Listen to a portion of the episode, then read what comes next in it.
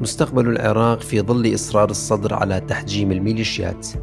يتسارع وتيرة الأحداث في العراق نتيجة للانسداد السياسي واختلاف وجهات النظر بين التيار الصدري والإطار التنسيقي حيث يصر زعيم التيار الصدري مقتدى الصدر على التمسك بمطالبه بهدف صياغة العملية السياسية من جديد. وفق قواعد وأسس جديدة تتوافق مع الثقل الانتخابي للتيار الصدري ورؤية تياره لمستقبل العراق في مقابل إصرار الإطار التنسيقي الذي يضم الفصائل والأطراف القريبة من إيران على رفض مطالب الصدر ومحاولة تشكيل الحكومة العراقية وفقا للأسس المتبعة منذ عام 2003 بمشاركة الوجوه القديمة التي تورطت في الفساد والكثير من الجرائم ومن المفترض أن لا تشارك في أي حكومة مستقبلية في حال تم التفكير بإحداث تغيير حقيقي يحقق الحد الأدنى من مطالب المواطنين. مرحبا بكم في حلقة جديدة من بودكاست في 20 دقيقة. نتحدث فيها عن مستقبل العراق في ظل الخطوات الأخيرة للسيد مقتدى الصدر ورفع سقف مطالبه وإصراره على حل وإبعاد الميليشيات عن المناطق الحساسة لإيقاف تدخلاتهم في المجال السياسي. بعد أحداث المنطقة الخضراء وسقوط العديد من الضحايا في صفوف المتظاهرين السلميين من أتباع التيار الصدري برصاص الميليشيات والفصائل المسلحة وتكرر الاشتباكات مجددا في مدينة البصرة جنوبي العراق والذي أدى لوقوع عشرات الضحايا بين قتيل وجريح شن القيادي في التيار الصدري صالح محمد العراقي الملقب بوزير الصدر. هجوما شرسا ضد الميليشيات والفصائل المسلحة مطالبا القوات المسلحة بضبطها. وفي هذا السياق قدم وزير الصدر في بيان له مجموعة من الاقتراحات للقوات المسلحة العراقية للحفاظ على هيبة الدولة وإنهاء تواجد الفصائل في الأماكن الحساسة داخل الدولة عبر خمسة مطالب. وهي اولا تغيير مسؤول الحشد الشعبي فالح الفياض. لعدة أسباب منها أنه متحزب ورئيس كتلة وهذا ما يسيس الحشد المجاهد ولا يمتلك شخصية قوية بل ولا يمتلك ذهنية عسكرية وهو غير مؤهل لهذا المنصب. ثانيا استصدار أمر حازم وشديد بحل الفصائل التي تدعي المقاومة وهي تقتل أبناء الشعب. ثالثا إخراج جميع الفصائل بل والحشد الشعبي من المنطقة الخضراء ومسكها من قبل القوات الأمنية الوطنية البطلة فإن بقاءهم فيه خطورة أمنية على نفس قائد القوات المسلحة فضلا عن باقي المؤسسات ولا سيما القضاء والضغط عليه. رابعا إبعاد الحشد الشعبي عن السيطرات والمنافذ الحدودية حفاظا على سمعة المجاهدين الأخيار فهناك من يتعمد تشويه سمعتهم من خلال استعمال العنف والتجارة والتهريب وغير ذلك. وخامسا وأخيرا كان دعم المجاهدين في المناطق المحررة فإن بعضهم يعاني من التهميش وعدم الاعتناء من الناحية العسكرية والأمنية واللوجستية ويتفقدون إلى أبسط المقومات. وكانت رسالة وزير الصدر محل ترحيب بالكثير من العراقيين الذين يعتقدون أن الميليشيات والفصائل المسلحة تشكل معضلة حقيقية على الدولة العراقية وتساهم في تقويض السيادة العراقية نتيجة لتدخلاتها السياسية واستخدامها كأداة لتصفية الحسابات وتنفيذ الأجندة الإيرانية على الأراضي العراقية. وعلى الرغم من إعلان الحشد الشعبي نفسه مؤسسة أمنية تابعة للمنظومة الأمنية والعسكرية العراقية وتخضع لقرارات وأوامر القائد العام للقوات المسلحة إلا أن تصرفات الفصائل في الحشد الشعبي تساهم في زيادة التوترات والاضطرابات السياسية داخل العراق. وخاصة مع استخدام سلاح الحشد لقمع المتظاهرين والشباب السلميين خلال الاحتجاجات الأخيرة. إضافة إلى مشاركة رئيس الحشد فالح الفياض في التحالفات السياسية والكثير من الاجتماعات ووقوفه مع الإطار التنسيقي بصورة واضحة وعدم اتخاذه لقرارات تساهم في تحييد الحشد الشعبي وإبعاده عن الصراعات والخلافات السياسية. ما دفع التيار الصدري إلى المطالبة بتغيير رئيس هيئة الحشد الشعبي لمساهمته في تسييس الحشد وعدم أهليته لهذا المنصب. كما أن تواجد الفصائل المسلحة في العاصمة بغداد وخاصة في المنطقة الخضراء غير مبررة في ظل وجود القوات الأمنية والعسكرية الرسمية التي تقوم بواجباتها حيث تساهم هذه الفصائل في تأزيم الأوضاع عندما تتدخل في النزاعات السياسية وتؤكد أن سلاح الحشد الشعبي ليس لمحاربة الإرهاب الداعشي كما تدعي بل لمحاربة مصالح ومكاتب ومقار الأحزاب السياسية والدفاع عن الشخصيات المتورطة في الفساد واستغلال هذا السلاح لتقوية الفاسدين وعوامل اللا دولة بدل المشاركة في تقوية الدولة.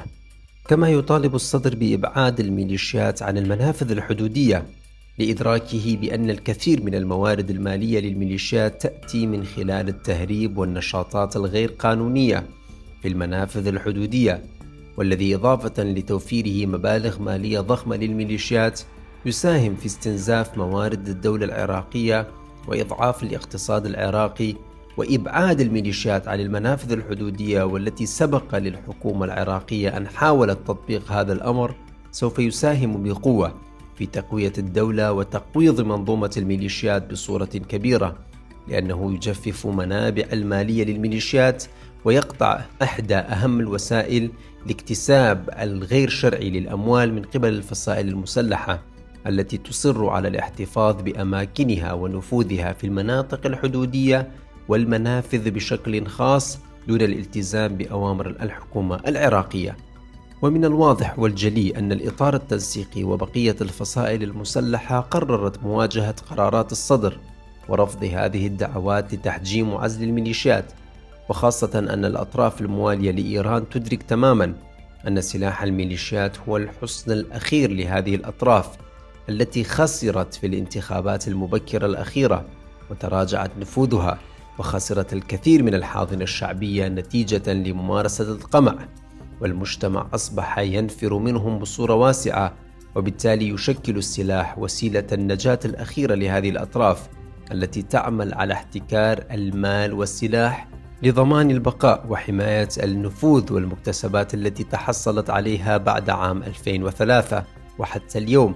وليست مستعدة للتخلي عن هذه الأدوات التي تضمن لها البقاء والاستمرار حتى لو وصل الأمر إلى استخدام العنف والسلاح ضد المتظاهرين السلميين كما حصل قبل أسابيع في مشهد متكرر لأحداث تشرين عام 2019 والذي أدى إلى سقوط أكثر من 800 شهيد وآلاف الجرحى من المدنيين والناشطين والصحفيين العراقيين. وللمزيد حول هذا الموضوع نتحدث مع الكاتب والمحلل السياسي العراقي الأستاذ عصام حسين. ونسأله أولا لماذا إصرار الإطار التنسيقي الموالي لإيران على بقاء المحاصصة والتوافقية واستخدام العنف للحفاظ على الوضع الراهن وعرقلة أي تغييرات في المنظومة السياسية في ظل الأوضاع المعقدة والانسداد السياسي الذي يعيشه العراق؟ مع العلم أن المواطنين أصبحوا ينزعجون من استمرار هذا الوضع ولديهم استعداد للخروج مجددا إلى الشارع في حال تم تكرار بناء نفس المنظومة التي أدت بالعراق إلى الهاوية. آه، الاطار التنسيقي آه، حقيقة أنه ما عندهم آه، مفهوم سياسي غير مفهوم المحاصصة وذلك لمستوى أصواتهم في الانتخابات الأخيرة ومستوى مقاعدهم. يكذبون على الناس يقولون إحنا عندنا 4 ملايين صوت 3 ملايين صوت لا كذب عدد أصواتهم أصوات دولة القانون أباطرة المحاصصة دولة القانون آه، الفتح عمار الحكيم واحد ومية وخمسين مليون ومية وخمسين ألف بعدد مرشحين 300 ألف. شوف الخسارة القاسية اللي وقعوا بها فلذلك هم عرفوا حجمهم ومستواهم أنه لا يتعدى هذه المحاصصة. وأيضا ذهبوا إلى المحكمة الاتحادية وقدموا تفسير عن طريق برهم صالح وأعطاهم اللي يريدوه. أعطاهم مستواهم الانتخابي اللي هو الثلث المعطل. وعليه لا يوجد مشروع آخر للإطار أن يطبقوا سوى مشروع المحاصصة. اللي يوصلهم للسلطة. أما غير مشاريع فهو إقصائية لهم مثل مشروع الأغلبية. تعرف إنه موضوع المحاصصة موضوع سهل جدا بالاتفاقات نتيجة جشع بعض السياسيين. يعني مثل أبو مازن إنه تعطيه وزارة الدفاع أكيد يجيب سبع يجيب له سبع برلمانيين ثمانية أو عشرة ويتحالف مع الإطار. أو مثنى السامراء المتهم بعمليات فساد أو حيدر الملا الذين كانوا ينتقدون المحاصصة وأشوف كثير من السياسيين اللي موجودين اللي كانوا ينتقدون المحاصصة. اليوم هم مصرين على المحاصصة. بمعرفتهم آه، أنه المحاصصة أسهل طريق للثراء وأنه يقدمون خدماتهم من أجل إيرادات الدولة في الوزارات. كيف سيتعامل السيد مقتدى الصدر مع التطورات الحالية في ظل استعداد الإطار التنسيقي لاستخدام العنف والسلاح المنفلت في الصراع السياسي ومحاولات السيد مقتدى تجنب العنف والمضي بالإجراءات القانونية والديمقراطية لتحصيل حقه في تشكيل الحكومة بعد انتصاره في الانتخابات المبكرة؟ أما قضية استخدام العنف فما أعتقد أنه يوجد حل للإطار غير هذا الحل. يعني تهديداتهم من بعد الانتخابات. عمار الحكيم أحد أحد آه، اللي كان يتكلم عن قوى لا دولة يتكلم عن عن صدامات أو حرب شيعية شيعية. هذا تهديد واضح من قبل عمار الحكيم آه، قيس الخزعلي من قبل نور المالكي والكثير آه، من التصريحات اللي شفناها لزعماء الميليشيات إنه إذا لم لن يكون هناك يعني وجود للإطار في الحكومة المقبلة ستكون هناك حرب شيعية شيعية. لذلك استخدام العنف ضد الصدريين في يوم 1 9 آه، سبب هذا. سبب أنهم شعروا بأن الصدريين يحاولون تقويض تشكيل حكومتهم اللي لحد الآن لا يوجد عليها اتفاق. حتى لقاءاتهم مع الأمريكان أبلغوهم بأنهم من غير الممكن أن يشكلون حكومة حتى بلاسخرت. اذهبوا للحوار. حتى إيران قالت لهم اذهبوا للحوار وعليه استخدموا العنف في خطأ تاريخي. رسخ فكرة بأن الإطار لا يمكن أن يشكل حكومة في المرحلة المقبلة لاستعداده لإقامة الابادات والمجازر بحق العراقيين. والآن يحاولون أن يقنعون المجتمع الدولي ويقنعون الداخل بأنهم لم يرتكبوا مجزرة من خلال مجالس العزاء اللي نصبوها لأربع قتلى قاموا بقتل المتظاهرين. على اعتبار أنه لم تكن هناك إبادة لا وإنما هو نزاع مسلح حدث والكل خطأ. مع هذا آه، أنه كان خطأهم جسيم.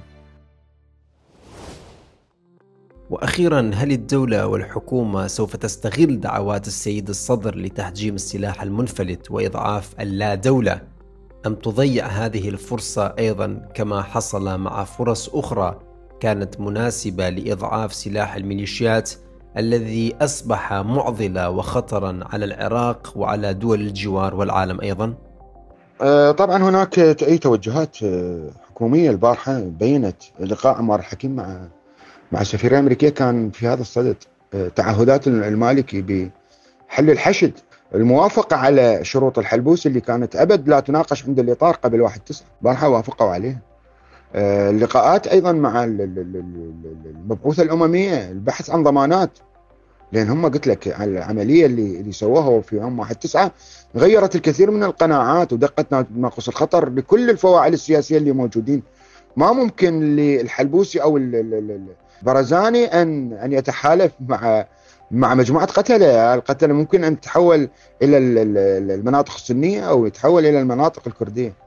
فأعتقد إنه هذه أفضل فرصة لإيقاف السلاح المنفلت، اليوم الاطار في اسوء حالاته السياسية والمتغير اللي حدث يوم 1 9 وقتل المتظاهرين أحدث ضعف كبير للإطار في قضية التحالف مع الكتل السياسية وأيضا آه، التفاوض أو التفاهم مع الجانب الأمريكي والإيراني والجانب الأممي.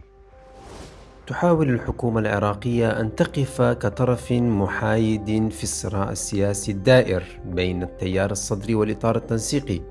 إلا أن هذا الحياد أثر سلبيا على سيادة الدولة وقوة الحكومة وخاصة مع مشاهد قمع المتظاهرين وعدم تحرك القوات الأمنية لحماية المواطنين ضد الميليشيات والسلاح المنفلت ما أعطى انطباعا سلبيا للمواطنين بجدية الحكومة في مواجهة السلاح المنفلت وحصر السلاح بيد الدولة كما ترفع دائما الحكومة في شعاراتها.